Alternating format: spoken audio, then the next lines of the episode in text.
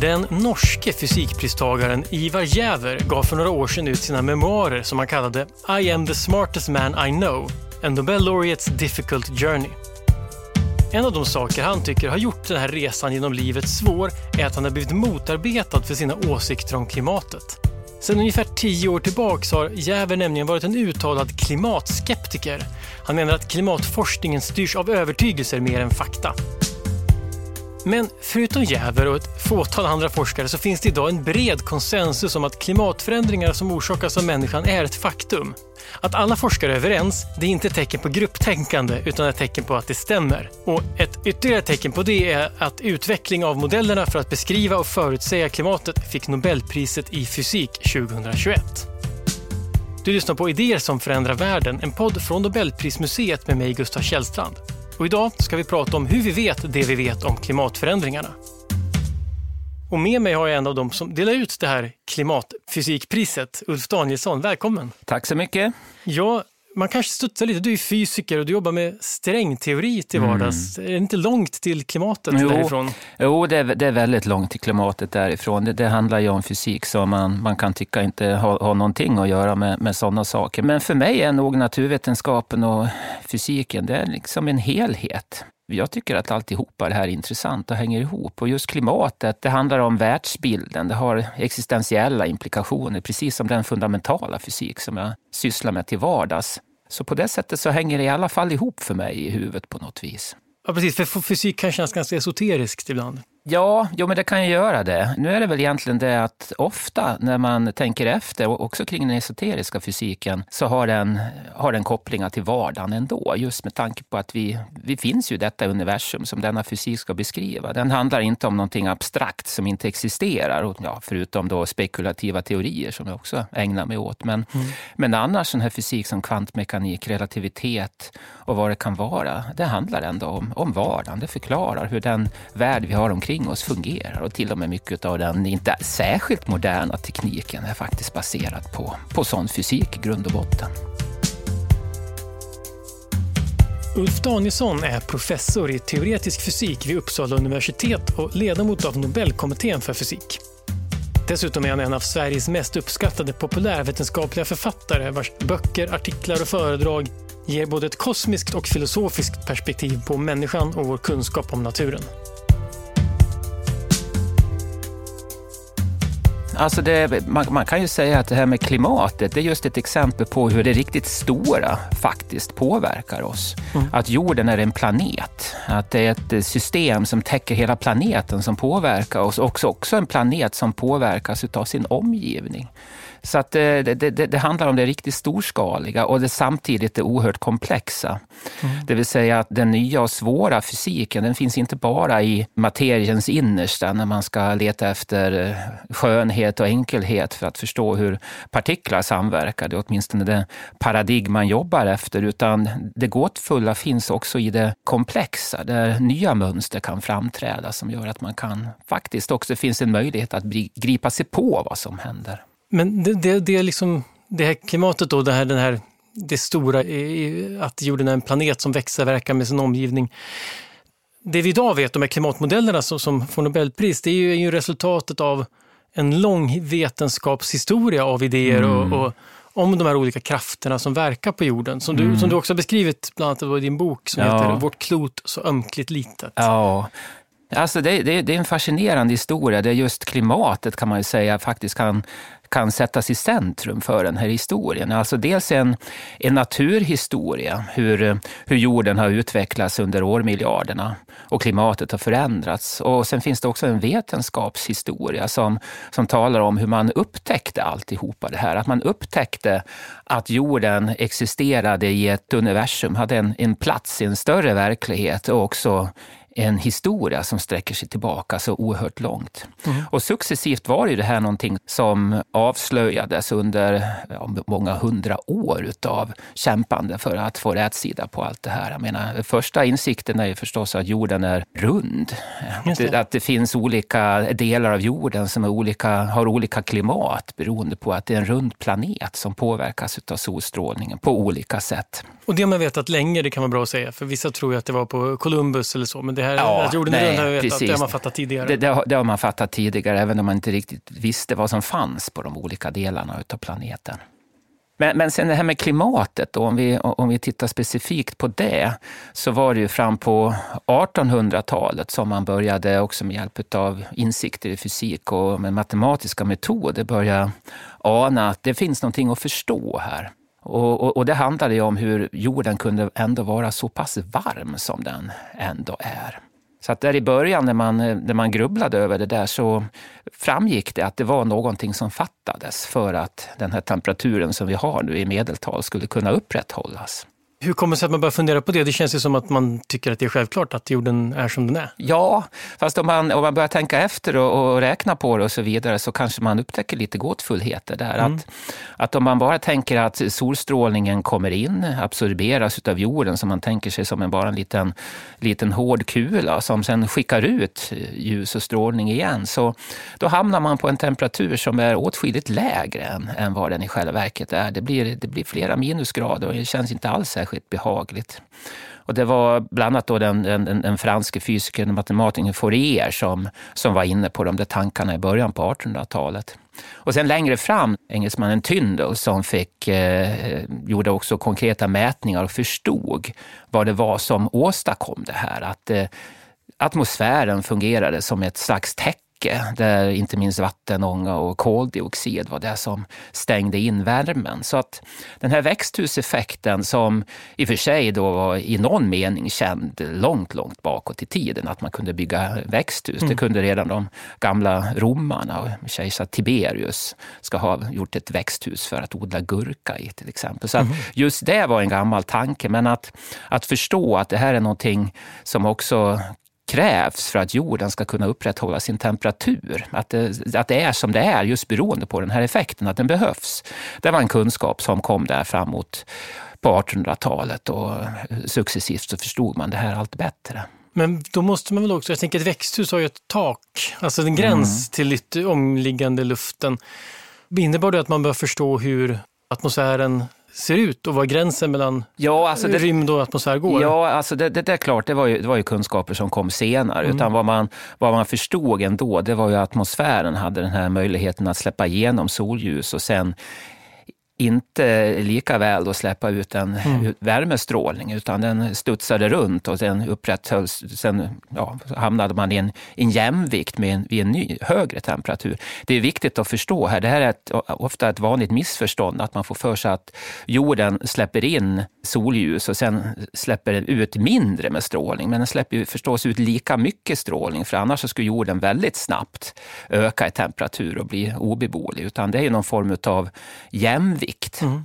Men eh, skillnaden är att, eh, att det här är en jämvikt som då hamnar vid en högre temperatur än vad det annars skulle ha varit då, tack vare det här täcket då, som, som gör att eh, jorden kan vara lite varmare. Men sen upptäckte man också att det här inte alltid, det jämviktsläget inte alltid på samma ställe. Nej, precis. Och det här är ju, det här är ju någonting som då naturhistorien ger så många, många exempel på.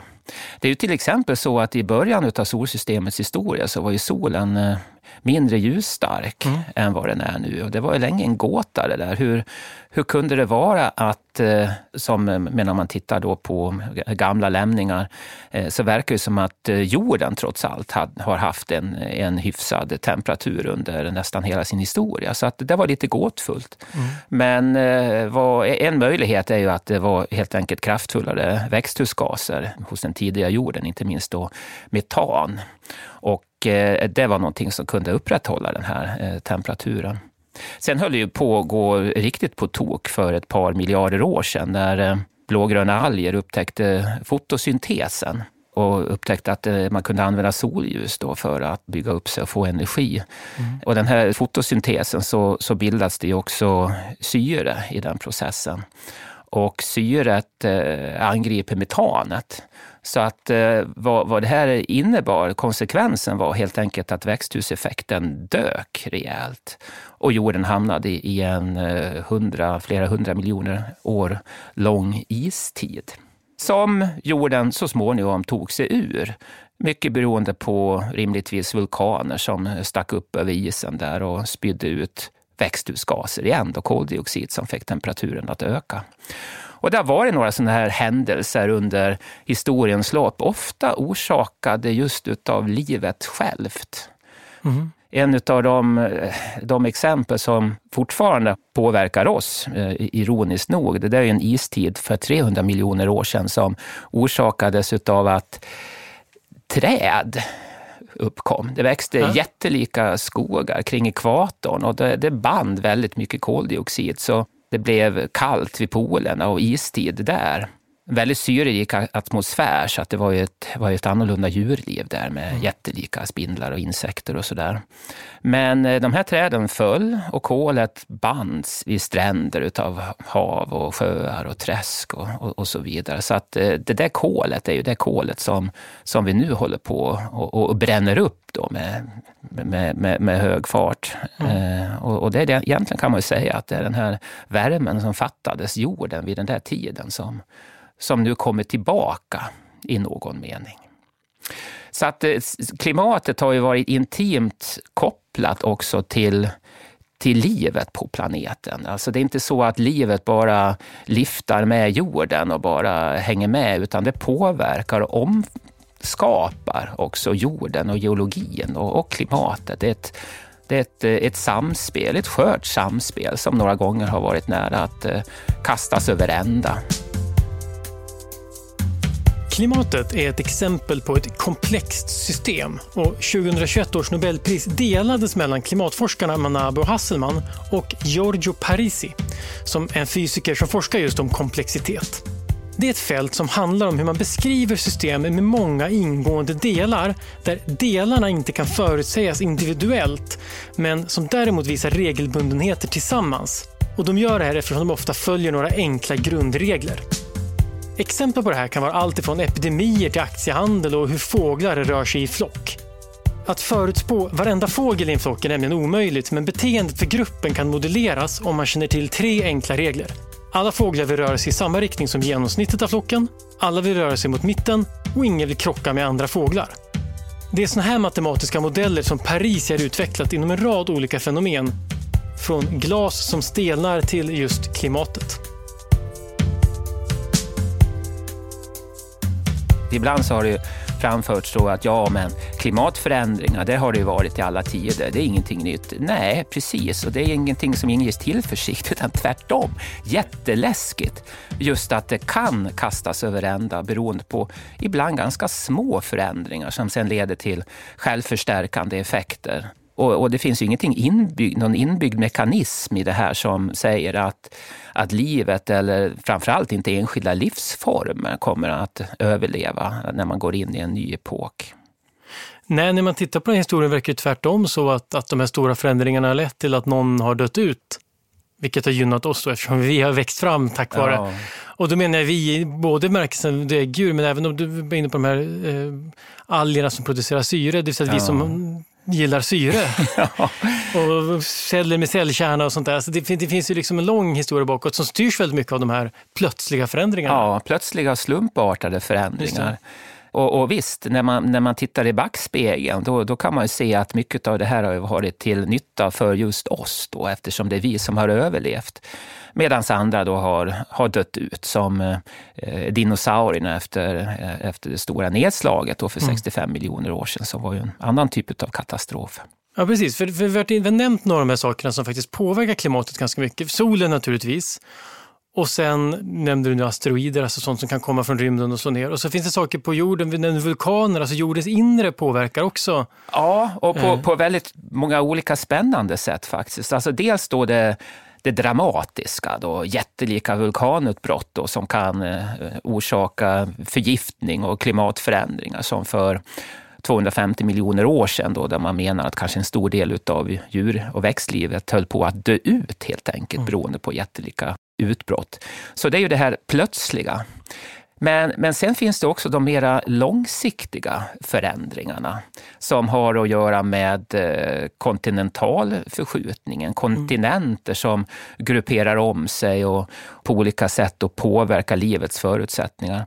Och det är väldigt intressant, det som kanske om man tittar på perioden efter det att dinosaurierna försvann. Det är en väldigt praktisk hållpunkt, så här, mm. före och efter dinosaurierna. Då har man någonting Just, att förhålla sig 65, till. 65 miljoner år sedan ungefär. Precis då. Så om man, om man går tillbaka till den tiden så låg kontinenterna annorlunda. De hade ju splittrat upp sig efter eh, Pangea som ligger ytterligare mer än 100 miljoner år bakåt i tiden. Det var alltihop ja, en enda kontinent? En, ja, visst. Som i sin tur var ju sammanslagen av saker. Ja, det är en lång historia bakåt där med kontinenter som har farit runt åt olika håll med spännande namn också som man har gett dem. Men, men, i alla fall, då vid den här tiden då var Atlanten var inte stor, då, utan det höll på att öppna upp sig. Men framför allt, om man då tittar på Indiska oceanen, så var det märkligt att Indien låg mitt i den och var på väg i hög fart norrut. Och eh, det här innebar då under den här tiden att det var varmt. För vad som hände då det är att på havsbotten, där, alltså i berggrunden, så bubblade det upp stora mängder koldioxid. Av precis samma skäl som att det blir koldioxid när man gör cement. Det är det som Bill Gates pratar om. Ja, alltså, och, det, och det är ett problem. Då. Alltså det, det är helt enkelt kalciumkarbonat som finns där i kalkstenen. Och eh, när det blir varmt och eh, trycket ökar, när det är geologisk aktivitet, så blir det här bränd kalk helt enkelt, då, kalciumoxid. Och koldioxid frigörs och kal kalciumoxid är precis det som finns i cement. Men den här koldioxiden då som frigavs under Indiens resa, den bidrog till en förhöjd växthuseffekt. Så det var en väldigt varm period, eh, några tiotal miljoner år efter det att dinosaurierna försvann. Men sen så småningom så krockar Indien och Himalaya växer upp istället. Och då kommer en massa nytt berg i dagen som kan börja vittra och koldioxid kan föras med ner i haven igen från atmosfären, vilket innebär att koldioxidhalten sjunker. Och det har successivt blivit allt kallare och kallare under ett, ett antal tiotal miljoner år. Sen är det andra omgrupperingar av eh, kontinenterna som också orsakar förändringar i klimatet. Att eh, vid någon tid där så öppnades det upp sunden så att Antarktis blev fri från de övriga kontinenterna och havsströmmar kunde börja cirkla runt Antarktis, vilket kylde ner Antarktis och hjälpte till att eh, inlandsisen där kunde börja växa. Så en mängd olika sådana här eh, fenomen som är kopplade till varandra. Men, men som sagt, under de senaste många miljonerna åren så har det successivt blivit kallare. Och man kan också säga att under de senaste eh, två, tre miljoner åren så har jorden varit i en form av eh, istid egentligen. Eh, till och med då stora nedisningar och sen ibland då med några hund, något hundratal tusen år däremellan då kortare, varmare perioder. Och det som är så spännande med det här, det är ju att det styrs utav, om inte stjärnhimlen, så i alla fall planeternas ställning på himlen. Okay det, det, här upptäcktes, det är otroligt spännande egentligen, att det här är, är något som upptäcktes relativt tidigt också, den här kopplingen, att det finns en astronomisk koppling. Och det har att göra med jordbanans form och jordaxelns lutning och, och, och, så vidare, vilket i sin tur påverkas av de andra planeternas rörelser i solsystemet. Och det finns då ett antal eh, perioder i det här. Alltså dels så har vi det faktum att eh, jordaxeln eh, preciserar. Helt enkelt vad axeln pekar åt för håll på stjärnhimlen. Mm. Den förändras så att jorden vaggar runt lite grann. Det där i kombination med att jordens bana inte är helt rund utan avlång ger skillnader i när jorden är som närmast solen, om det är när det är sommar på norra halvklotet eller sommar på södra halvklotet. Och det där är en viktig skillnad. Så att när är det sommar och när är det vinter i relation till när jorden är som närmast solen. Och sen är det också så att jordbanans form förändras med tiden. Och den här precisionen har en period på 26 000 år. Sen vrider sig banan runt. Och sen dessutom så ändrar den form. Och, och det finns också hur mycket jordaxeln lutar. Det varierar också, så det finns flera olika perioder där med tider på några tiotusental år upp till hundratusen år som samspelar i det här. Och då kan man fråga sig, vad spelar det för roll då? Det här? Ja, alltså det har inte bara just att göra med att eh, just hur avståndet till solen eh, varierar eh, liksom i, i, i snitt. Va? För det blir ungefär lika mycket solstrålning som kommer alldeles oavsett. Utan det är fördelningen över året som är det viktiga. Och det som där kommer in och spelar en avgörande roll, det är det faktum att jorden ser så olika ut i norr och i söder. I söder har vi Antarktis som är täckt av is. Men uppe i norr, där har vi ett hav, Norra ishavet, med is. Men en is som kan variera i utsträckning på ett sätt som inte sker vid Antarktis, utan där är det is på Antarktis oavsett vad det är för årstid. Mm. Men i norr så kan istäcket då dra sig tillbaka över sommaren och sen bli större igen på vintern. Och då förstår man att eh, om det nu är eh, kalla somrar, då smälter mindre av isen och då finns det en möjlighet för istäcket att växa. Är det varma somrar, ja då finns det en möjlighet för istäcket att smälta lite grann mer på sommaren och börja dra sig tillbaka. Och här finns det sen en självförstärkande effekt som inte finns i söder. Vad händer när isen drar sig tillbaka? Jo, då avslöjar den att det finns vatten vatten, mörkt vatten där under, som kan absorbera mer sol och mer energi och värma upp jorden. Så att det finns en sån här återkopplingseffekt just vid den norra polen som inte finns i den södra. Och det betyder att det som utlöser en ny istid eller utlöser en varmare mellanperiod, det är just vad som sker uppe i, i norr. Så det är både en vad ska jag säga, kanariefågel men också en orsak, till, alltså både ja. ett tecken på att något är fel men också en orsak till att ja, det, eller fel och fel, det beror på vad man tycker om, men, men att det ja. förändras i alla fall. Nej, men absolut så är det. Nu, nu kan man ju bara för ordningens skull då konstatera att just nu så är det sommar på norra halvklotet när jorden är som längst bort från solen. Vilket innebär att vi nu har kommit in i en period som i princip skulle kunna vara början på en ny istid om mm. det inte hade funnits några andra faktorer. Nu visar det sig att det är en ovanligt svag sån effekt beroende på annat, så att inte särskilt mycket. Men, men vi har ju också tillbringat nu 10 000 år i, i Holocen. Mm. den här varmare perioden. Så på, på riktigt lång sikt så skulle vi så småningom komma tillbaka till en ny istid. Men det kommer ju alltså inte att ske. Och eh, det är inte jättebra nyheter ändå. Nej, nej, det är väl ingenting som är bra nyheter. Nej. För antingen så får man istid och det är inget bra, eller så får man inte det och det är inte heller bra. Men för, för nu har vi varit inne ganska mycket på det här med, med, Det är uppenbart att klimatet är föränderligt och det är någonting mm. som, som vi verkligen bör vara lite fundersamma kring. Och att ja, men det är många faktorer som spelar roll. Och det fascinerande är bara med, med vad som för oss kan kännas som ganska små faktorer kan göra stor skillnad. Mm. Om man tänker på, du är inne på liksom att jordbanan som förändrar sig relativt mm. solen. Och då kan man ändå tänka på att det är inte så, relativt de här avstånden så är det ganska kort skill alltså liten skillnad mellan mm. att vara på ekvatorn och på Nordpolen och det ena stället har vi is på och det andra har vi öken på. Eller djungel. Men, men det är liksom det är rätt stor skillnad i klimat beroende på, på ja. bara, bara den lilla skillnaden. Alltså en ganska skör balans, det är det ja, ute efter. Ja, precis. Det, det, är just det det är. Alltså man, man, man får för sig att det är någonting som är stabilt, men, men det är det så länge inte återkopplingsprocesserna störs. Mm. Det är då det kan börja sticka iväg.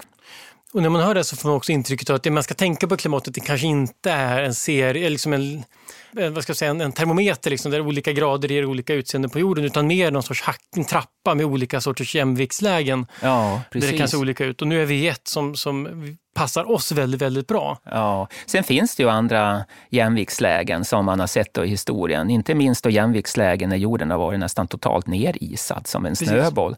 Och det, det passar oss ganska dåligt. Ja, det är ett exempel på ett dåligt jämviktsläge. Ja, då man pratar väl om att nu vi skulle kunna nå, inte, det är väl därför man är orolig för att även några graders uppvärmning kanske man klarar förutsatt att det inte leder till en sån här skifte i jämviktsläget och vi hamnar på en sån här hot house earth eller ja, liknande. Ja, visst. visst. Ja, och klarar och klarar. Menar, det, det beror på vilka krav man har. Alltså, vi människor har ju i allmänhet större krav egentligen än många mm. andra djur. Därför att vi vill, vi vill bo nära en kust eller en strand eller, eller vad det kan vara för någonting. Och vi vill inte bli sjuka och vi har väldiga krav på vilka bekvämligheter vi ska ha och så vidare. Så att vi, civilisationen är väldigt skör. Mm. Jag hörde en intervju med science fiction-författaren Kim Stanley Robinson som har skrivit mycket fiktion om klimatet. Där han bara krasst konstaterar att en sak som händer när havet stiger är att vi förlorar alla stränder. Och så får vi nya på ställen vi inte vill ha dem. Ja, jo, men det tar väl ett tag ändå att få, stränder, få de riktigt fina sandstränder. Ja, det, men, så är det. Så då får man inget skäl att flyga till sol och bad. Det, det är en, en sorts självreglerande effekt på det sättet. Men som sagt, vi vet ganska mycket om, om, om det här och det som gör att man är orolig nu är att vi ser kurvor som påminner om det vi har sett i det förflutna. Mm. Och då har det lett till stora förändringar och de förändringar vill vi helst undvika. Det är väl det som är, är Ja, och, och sen har man, ju, har man ju också då successivt lärt sig att förstå de här processerna och inte minst då mm. människans påverkan på det hela. Och, och där, där kan man ju gå tillbaka till igen, om vi, om vi tar vidare i mm. vetenskapshistorien, där i slutet på 1800-talet. Och Svante Arrhenius, den svenska nobelpristagaren i kemi, som hör till de första som gjorde riktigt seriösa beräkningar av det här. Han förstod att koldioxiden måste spela en, en viktig roll för klimatet. Det var en viktig växthusgas. Han var intresserad i just det här med istider och ville förstå hur, hur växthuseffekten kunde påverka istiderna. Men han insåg också explicit att människans påverkan på klimatet kunde vara liksom betydande. Han räknade ut hur mycket temperaturen skulle stiga då, givet att man släppte ut så mycket koldioxid. Han hamnade hyfsat rätt. Och han drog slutsatsen att om vi fortsätter att släppa ut en massa koldioxid så kommer det bli varmare. Det tyckte han var bara bra. Mm. För då skulle det bli bättre skördar uppe i norr då, som kunde, kunde försörja det hastigt växande människosläktet som han skrev. Och man skulle undvika de här istiderna och det har vi ju som sagt. Ja, visst. Så att på det sättet skulle han varit nöjd. Men han kanske inte hade föreställt sig riktigt hur mycket Nej, jag, skulle bränna? Jag, jag, jag, tror inte det. Sen tog det också ett tag innan, innan det här blev riktigt accepterat och det tog många decennier, alltså efter Arrhenius död, innan man faktiskt insåg hur rätt han hade och att det här var någonting som var viktigt. Svante Arrhenius är idag mest känd för sina beräkningar om växthuseffekten. Men när han levde kring sekelskiftet 1900 så var han något av en vetenskaplig kändis. Han fick Nobelpriset i kemi för sin forskning som handlar om hur vätskor leder elektricitet. Och Arrhenius var en av en liten grupp forskare som skapade ionteorin. Alltså idén att molekyler kan delas upp i elektriskt laddade atomer. Men han var också en populärvetenskaplig föreläsare och författare och en av de saker han skrev om var livets uppkomst. Han stödde den så kallade panspermieteorin, Alltså tanken att livet kom till jorden från rymden genom partiklar som flög runt i universum. Precis som koldioxididén så var den här tanken först lite bortglömd, men på senare tid har den också kommit fram som en tänkbar förklaring till hur livet började på jorden. Och kanske på andra ställen. Men han, han var ändå någon sorts tidig, en pionjär då inom det här fältet, eller man ska kalla området som kallas för klimatmodeller. Mm. Som alltså handlar om att då, allt det här vi pratar om, har pratat om hittills, allt det här vi vet om klimatet, mm. det handlar om att sätta ihop det för att förstå hela det här systemet som ja, en helhet. Ja, han, han, han gjorde en enkel modell utav där koldioxiden spelade roll med liksom helt enkelt en växthuseffekt och, mm. och, och, gjorde beräkningar på det där. Väldigt förenklad modell förstås. Mm. Och eh, det där var ju någonting som eh, behövde förbättras, vilket man så småningom lyckades göra. Och det kopplar ju an till årets pris. Är det där vi är nu? Nu är vi, tänkte jag att vi kommer ja. in på modellerna. Precis. Ja, men vad bra. Då är vi inne på klimatmodellerna.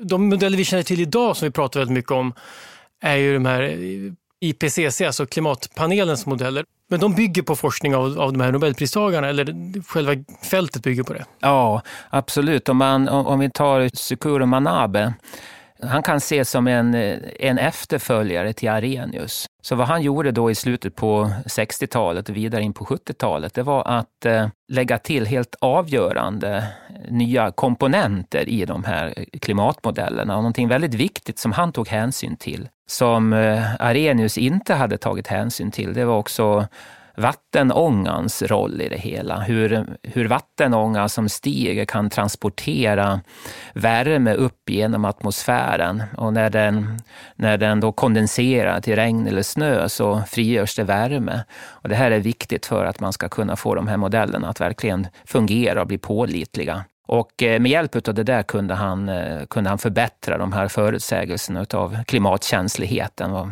många grader en viss mängd koldioxid ger upphov till. Just det med vattenångan är förresten en viktig sak att ha klart för sig, eh, dess roll relativt koldioxiden. För att det, är alldeles klart att vattenångan är den mest kraftfulla och viktiga växthusgasen egentligen.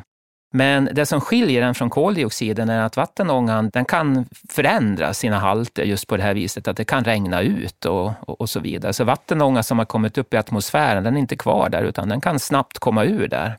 Så är det ju inte med koldioxiden. Vi har ju sett att visst, det finns cykler för koldioxiden också, men då handlar det om många tiotals miljoner år. Ja, för det ska till bergerosion och sånt ja, få ner dem ner i vulkan ja. eller ner i under jordytan och sånt Ja, för, ja. för, att få ner den igen. Medan vattenångan kan bara regna ut eller blir dagg på morgonen eller vad det kan vara för någonting. Så att på det sättet så är, skiljer sig väldigt och det, det också gör att det är koldioxiden som i praktiken styr det här i och med att den är mycket, mm. den är mycket trögare. Dessutom är det så att ju mer koldioxid det finns, desto varmare blir och det gör att det varmare blir och då kan atmosfären ta upp mer vattenånga också. Så det ja, förstärker. absolut. Så att vattenångan får ju större spelrum då när koldioxidhalten ökar. En, en förutsägelse, en väldigt viktig förutsägelse av Manabes modell, det var också på vilket sätt atmosfären värms upp. Man kan ju grovt dela in atmosfären i troposfären här nere, då det, det, där vi befinner oss, några tiotals kilometer upp i, i atmosfären, och sen stratosfären där ovan. Och om det hade varit solen som hade blivit ljusstarkare, då hade hela atmosfären förstås värmts upp. Men eh, nu råkar det vara så att med eh, en växthuseffekt, vilket man kunde visa, så är det troposfären, den nedre delen av atmosfären, som blir varmare. Men det blir faktiskt lite paradoxalt nog lite kallare uppe i stratosfären. Det kan man mäta och se att det är precis så, så att det är precis den signalen man hade förväntat sig om det är en växthuseffekt som är ansvarig. Man kan likna det, det är kanske inte är någon jättebra liknelse, men bara för att förstå att det är inte jättekonstigt att det kan bli så här, så kan man jämföra med en riktigt bra termos. Mm. Som är varm inuti, men den, den ska ju vara kall på utsidan förstås för att hålla värmen. Lite så är en dålig termos, den blir ju varm på utsidan så småningom. Men, men, men det där är också intressant, för det visar ju att man kan då av de här modellerna utläsa att människan påverkar mm. klimatet. Så det, det är liksom stå, jag tror att vi kanske har kommit borta för det, att det finns, men det finns ju ändå folk som tvivlar på det. Men, men det, är, det är någonting som helt enkelt faller ut av de här modellerna? Att... Ja, alltså det, det, egentligen så det, det är precis därför det, priset har två delar mm. faktiskt. Så att den första delen med Manabe, det, det handlar om den här modelleringen. Man pratar om deterministiska modeller där man, man verkligen vill förutsäga vad kommer att hända. Mm. Och det räcker förstås inte då med de första modellerna där som Manabe hade i slutet på 60-talet, utan man måste utveckla mera databaserade modeller som har allt större och större noggrannhet, allt fler mätpunkter på, på jorden och man, det blir allt kraftfullare datorer som behöver göra det här. Men om man nu väl tycker eller tror att man har lyckats eh, med den här modelleringen, så måste man ju också på något sätt få klart för sig hur pålitliga är de här modellerna egentligen? Det är klart man kan köra flera olika modeller och jämföra lite grann, men, men man måste också på något sätt ha någon känsla för hur väl man kan lita på dem. Och eh, det är egentligen här som Klaus Hasselmann, den, eh, den andra av pristagarna när det gäller klimat, kommer in. För han, han har just jobbat med det här som handlar om pålitligheten hos modellen och vilka slutsatser man kan dra utav det. Till exempel så redde han ut eh, sambandet mellan väder och klimat, liksom studerade det. För man kan ju tycka att det är lite konstigt att eh, ja, väder, det kan man inte förutspå mer än några dagar framåt. Ja, men hur kan man då ha koll på klimatet över sekler eller kanske tusentals eller rent utav miljoner år? Men då är, då, då är det liksom en fundamental skillnad där att eh, vädret blir något som, som någon slags eh, brus i bakgrunden och, och klimatet är lång, långsiktiga, långsammare förändringar då, som lever ovanpå det här bruset. Man pratar om att det finns en frikoppling mellan de snabba och de långsamma frihetsgraderna. Och det där gör att även om det finns slumpmässiga inslag förstås i klimatet också, vi har ju redan pratat om det, så, så finns det ändå en tröghet i det som gör att det eh, faktiskt går att hantera på ett annat sätt. Men, men sen vad, vad Hasselman också gjorde, det var att eh, ta fram metoder för hur man ur alla observationer av klimatet ska kunna dra slutsatsen att okej, okay, är det människan som påverkar eller är det någonting annat? Och då handlar det om att kombinera den information som finns i massor med olika mätdata och försöka hitta, kanske inte det där signalen så att säga är starkast, utan där eh, förhållandet mellan signal och brus, som man säger, är, är bäst. Så att det blir liksom säkra observationer och kombinera ihop det här, alltså en mängd olika observationer utav väderförhållanden eller klimatförändringar, eller hur, hur, ja, vad som händer helt enkelt över tid på jorden. Och göra det på ett så effektivt sätt som möjligt och jämföra det med modeller där man har eller inte har med mänsklig påverkan och sen statistiskt då kunna avgöra i vad mån det är människan som är den avgörande komponenten eller inte. Så det handlar inte bara liksom att titta med ögat på några kurvor och tycka att det blir si eller så, utan, utan göra det här på ett, på ett statistiskt seriöst sätt. Och det, det är just det som de metoderna som han har utvecklat och som har varit avgörande för att eh, man inom IPCC kan dra de här slutsatserna. Ja, för de där kurvorna är ju lite förledande enkla på något sätt. Att man ser att det här är en grön kurva och en röd kurva och den ena går upp och den andra går ner. Och då, man förstår ju inte alltid all den, det arbete som förenklas i en sån nej, kurva. Och det där kan vara vilseledande nästan. Ja, och så där får man vara försiktig med. Och det, det finns ju många exempel då på när man, när man har försökt då från de som inte tror på det här, att de väljer lite kurvor, lite hipp som happ och, och tycker att det här pekar väl åt rakt motsatt håll. Ja, för det finns alltid kurvor som pekar åt något Ja, då. Det, det beror på, liksom, när man, om man har en kurva så kan man välja att visa en liten del av den. Det. det beror på om man zoomar in någonstans. Precis, men, så att, det här med, men det med väder och klimat är ändå spännande och hur man kan förutse. Är, för samtidigt modellerna framöver är ju inte, du pratar om deterministiska modeller, de är ju inte helt Alltså hur säkra är de? Det Nej, finns alltså, ett de är inte intervall. De är deterministiska i den meningen att man, att man gör en beräkning som har liksom det syftet. Men sen finns det ju de här osäkerheterna vilket gör att man inte vet egentligen var man precis hamnar. Utan det handlar hela tiden om om, om statistik. Att man kan säga att med en viss sannolikhet så kommer, om förutsättningarna är de här, mm. att det blir si eller så i framtiden. Och det är så mycket osäkerheter som går in i det. Det finns mätosäkerheter, det finns osäkerheter i i modellerna, hur, hur, väl man kan ta hänsyn till alla de olika fysikaliska fenomenen som påverkar. Det finns en okunskap om vilka de är, de här återkopplingseffekterna. Vad, vad händer med det frusna metanet i Sibirien till exempel? Vad är det som avgör om det kommer att släppas ut eller inte? Mm. Och sen förstås, på sitt sätt kanske den allra största osäkerheten, det är ju vad vi människor kommer att göra. Så att man kan, ju, man kan sätta upp olika scenarier, så givet att vi gör det eller det, ja då är sannolikheten för det eller det utfallet. Men sen kan man ju gå upp på någon slags metanivå och fundera över vad kommer vi faktiskt att göra? Det vet ja, vi inte. Nej, nej det, det, verkar väl, det verkar väl oklart. Och jag tänker också att, att det där för en fråga, vi pratar om att, att Manabe då gör modellerna bättre för att han också tar in vattenång och kanske lite mer då förutom koldioxid. Men det verkar som att det finns väldigt mycket faktorer som ska tas in. Allt ifrån växthusgaser ja. till geologi till solstrålning men också då till vem som blir vald till president i USA. Ja, och en del av det går väl att göra modeller på, en del inte förstås. Ja, visst. Uh. Och, och, och, som sagt, redan på den naturvetenskapliga nivån så finns det ju, finns det ju problem. att man, man, man känner inte till alla de mekanismer som, som, som kan påverka och därför så finns de kanske inte med i modellerna heller. Har man hittat någon sån mekanism som har dykt upp, något genombrott som har skett på senare år som har omkullkastat någonting på ett avgörande sätt. Det har väl ändå inte gjort. Man har ganska bra. Nej, man, man, kan ju egentligen säga så här att i stort sett har, har väl inte särskilt mycket hänt sedan Arrhenius tid ja. egentligen. Alltså då, då, hade man storleksordningen på de här effekterna. Man mm. hade redan då egentligen kunnat ta det här på allvar och försökt att extrapolera fram. Vad, vad kommer det här att innebära? Är det här någonting som man kanske borde ta med i beräkningen när man planerar samhällets utveckling? Så förvarningen den är mer än hundra år gammal. Ivar Jäver har fått mycket kritik för sina uttalanden om klimatforskning. Men den forskning som gav honom Nobelpriset, den är inte ifrågasatt. Han fick fysikpriset 1973 för en forskning om ett fenomen som kallas för tunneleffekt. Det handlar om att partiklar kan passera genom material som de inte, enligt klassisk fysik, skulle kunna komma igenom. På vardaglig nivå skulle det innebära att vattenglaset som står framför mig plötsligt skulle kunna falla rätt genom bordet. För så stora saker så är sannolikheten att det här ska hända liten. Men för enskilda partiklar är den faktiskt ganska stor. Och Jävers forskning visade att det här är ett fenomen som man måste räkna med inom forskning kring till exempel supraledare, alltså material som leder elektricitet utan motstånd.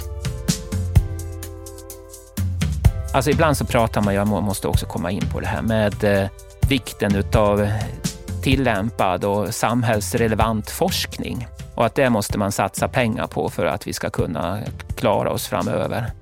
Klimatet är ju ett väldigt intressant exempel på det. Och det är alldeles klart att eh, det är väldigt viktigt att lära sig mycket om klimatet nu. Det är populärt och ska vara populärt bland politiker att satsa på det. Det är helt nödvändigt för vår framtid. Men låt oss gå bakåt lite grann i historien. Vi går tillbaka till säg slutet på 60-talet när Manabe gjorde de här genombrotten inom klimatforskningen som nu Nobelpris belönas och som egentligen har lagt grunden för att vi nu vet vad som händer. Det var alltså i slutet på 60-talet när klimatforskning inte alls var lika stort och viktigt som det är nu och nog inte särskilt många politiker som tyckte det var så himla spännande. Det här visar ju också vikten av att ägna sig åt den typen av grundforskning som det här i grund och botten handlar om. Ja, precis. Det är ganska sent att hoppa på tåget nu. Väldigt sent kan man tycka då, med tanke på det. Ja. Men den här kunskapen vi nu ändå har om klimatet, att det kan förändras och att vi uppenbarligen kan förändra klimatet. Kan vi, med tanke på vad vi redan har gjort som människor, gå tillbaks, eller finns det ens ett sånt läge där klimatet så att säga sköter sig självt? För det ja, vore ju skönt att vi ja, inte behöver tänka på det här mer. Jo, fast det, det, det är väl det som är det, liksom, det, det knepiga alltihopa det här att det har nog inte skött sig självt alls mm. någonsin, utan det har alltid påverkats och är intimt sammanhängande med livet på jorden. Och i och med att vi är så fruktansvärt många som vi är så så påverkar vi och har nog kanske påverkat under hela den här varma perioden, holocen, från och med det att jordbruket kom igång där för åtskilliga tusentals år sedan. Och det, det finns också spekulationer om, i, i, kring det här att vi till och med kan ha skapat det här stabila klimatet faktiskt eh, genom det vi har gjort, faktiskt släppt ut koldioxid via boskapsskötsel och annat. Mm. Och på det sättet då fördröjt då en annalkande istid. Alltså det finns en möjlighet att den typen av samspel, alltså helt utan att det funnits någon avsikt eller någonting överhuvudtaget, faktiskt har existerat och fram tills nu när vi håller på att börja släppa ut alldeles för mycket.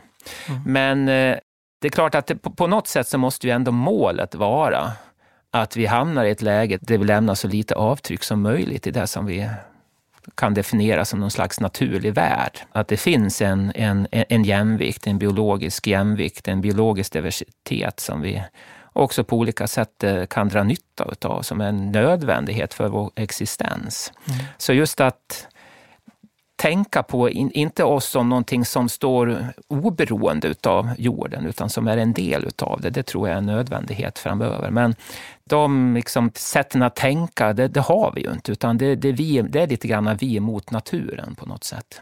Ja, precis. Det är väl en ganska vanlig sån, ja. Eh, man pratar om vetenskapen som just ett sätt att ha kontroll över naturen, ja, se objektivt på naturen, inte som en del av det. Men, men, men samtidigt, det naturliga som vi har pratat om nu är ju att klimatet ändras hela tiden mm. med ibland katastrofala konsekvenser.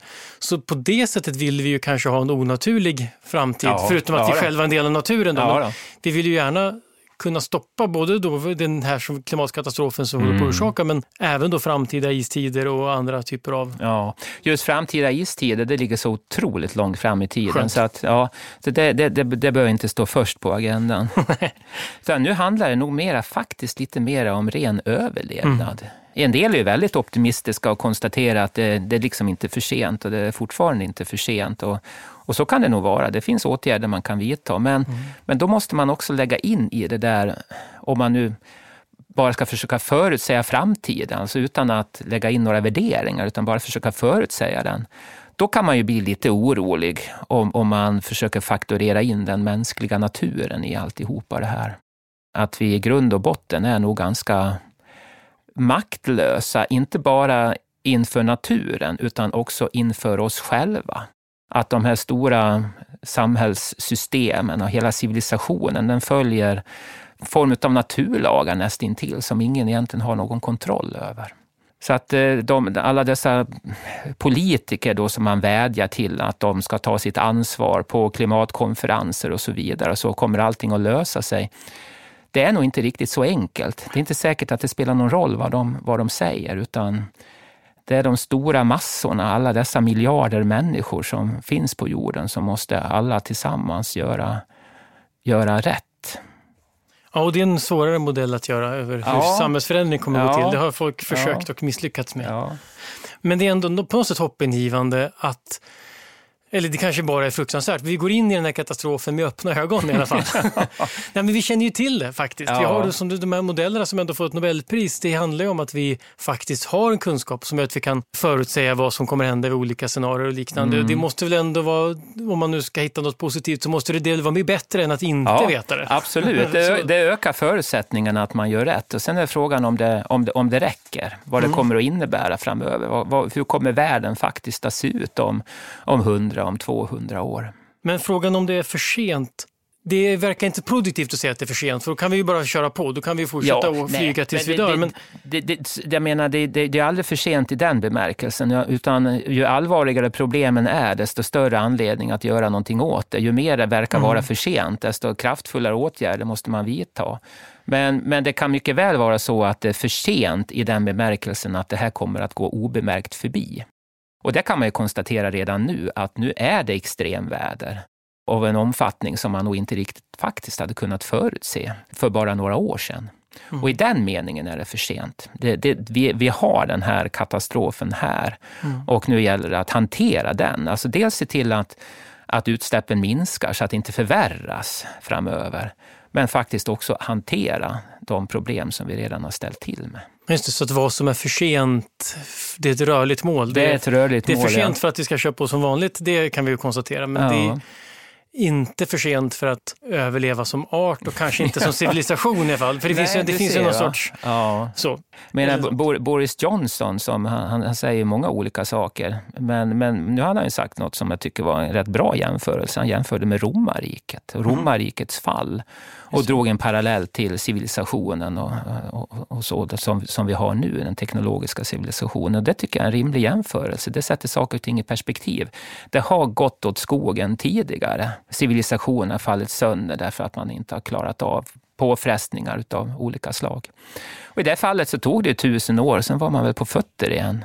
Ja, och det där är ju en, för det där är en intressant fråga, och det kanske för, för historiker eh, egentligen, men, men Ja, men vår civilisation kan ju kollapsa på grund av klimatförändringarna ja, förstås. Men, ja. men det kan ju göra dels för att vädret gör att vi inte kan leva där vi lever, men det kan också vara så att det leder till politiska och sociala mm. påfrestningar som gör att vi faktiskt inte klarar det. Det är väl det som är den troliga konsekvensen egentligen mm. utav allt det här, att det blir sådana saker. Ja, det är ju en, det är ju en, en, en deppig slutpunkt. Men, men, men Men jag, när man läser din bok så slutar ju också din bok inte med att lugna utan att säga att det är allvar. Att det är liksom ja. poängen här. Att det, det finns ingen, det, det, inte poängen med klimatforskningen är inte att berätta att allt är bra. Nej. Alltså jag, säger att jag skrev den här boken, man kan ju tycka att det är liksom en väldigt mörk historia, men det var otroligt spännande och roligt att göra det. Därför att den vetenskap och den vetenskapshistoria och just kopplingarna till de här grandiosa kosmiska perspektiven gör det här så kolossalt spännande. Så att det är liksom roligt att gräva ner sig i det hela. Och sen, sen är det klart att det har ju också ett, ett, ett oerhört allvar då, mm. när det gäller konsekvenserna. Ja, men jag, tycker, jag håller med om det. Jag tycker att det perspektivet är det mest spännande. Att, att det, det gör ju också att när man tänker på allt som måste till att göras nu, om man bara tänker på det som dagspolitiska frågor så blir det ganska svårt att hantera ja. och, och möjligtvis lite deppigt. Men, men, men att ha perspektivet, det här kan man säga kosmiska eller planetära perspektivet, så tycker jag att det finns någonting, det kanske konstigt tänkt, men någonting befriande eller någonting, någonting mm. det är större än så. Och, ja. och också allvarligare än så, att, att det här handlar om planetära eh, fenomen. Och ja. Din bok är ju inte, den är inte deppig att läsa, för den här berättelsen är otroligt fascinerande. Mm. Både som du ser naturhistorien och vetenskapshistorien, att jorden har förändrats och att det är, de här, det, här, det är sådana saker som händer och det är det som står på spel. Och naturligtvis då att människor på ibland helt osannolika sätt har lyckats förstå att det här är någonting att förstå och ta reda ja, på den här kunskapen. Visst. Och det, även då de här klimatmodellerna är ju, förstår man ju när man tittar på det som Nobelpris, att det är otroligt komplexa saker som vi faktiskt förstår. Ja, nej, men det, det, det blir upplyftande på något vis. Där. Då kanske man kan få lite, lite kraft och energi att ta sig an det här på riktigt. Ja, vi hoppas det. vi hoppas att det ordnar sig helt enkelt. Eh, tack så mycket för att du var med och för berätta. Det var väldigt spännande att höra både om de här perspektiven men också om, om de planetära perspektiven på både klimat och mänskligheten. Mm. Tack för att du kom. Tack själv. Idéer som förändrar världen är slut för den här gången. Den här podden görs av Nobelprismuseet. Vi finns på Stortorget i Gamla stan. Information om museets utställningar och öppettider finns på museets hemsida nobelprismuseum.se. Du kan förstås också följa oss på Facebook och Instagram. Och vill du höra Ulf prata mer om rymden så lyssna gärna på vårt avsnitt Universums mysterier där han berättar om svarta hål och mörk materia. Och vill du veta mer om Nobelpristagarna och deras arbete så gå gärna till Nobelprisets hemsida nobelprice.org. Och ett stort tack till Nibe Group, EF Education First, Knut och Alice Wallenbergs stiftelse och familjen Erling Perssons stiftelse som möjliggör Nobelprismuseets verksamhet. Idéer som förändrar världen görs i samarbete med produktionsbolaget Filt. Producent är Andreas Wiklund och jag heter Gustav Källstrand. Vi är snart tillbaka med nya intressanta samtal.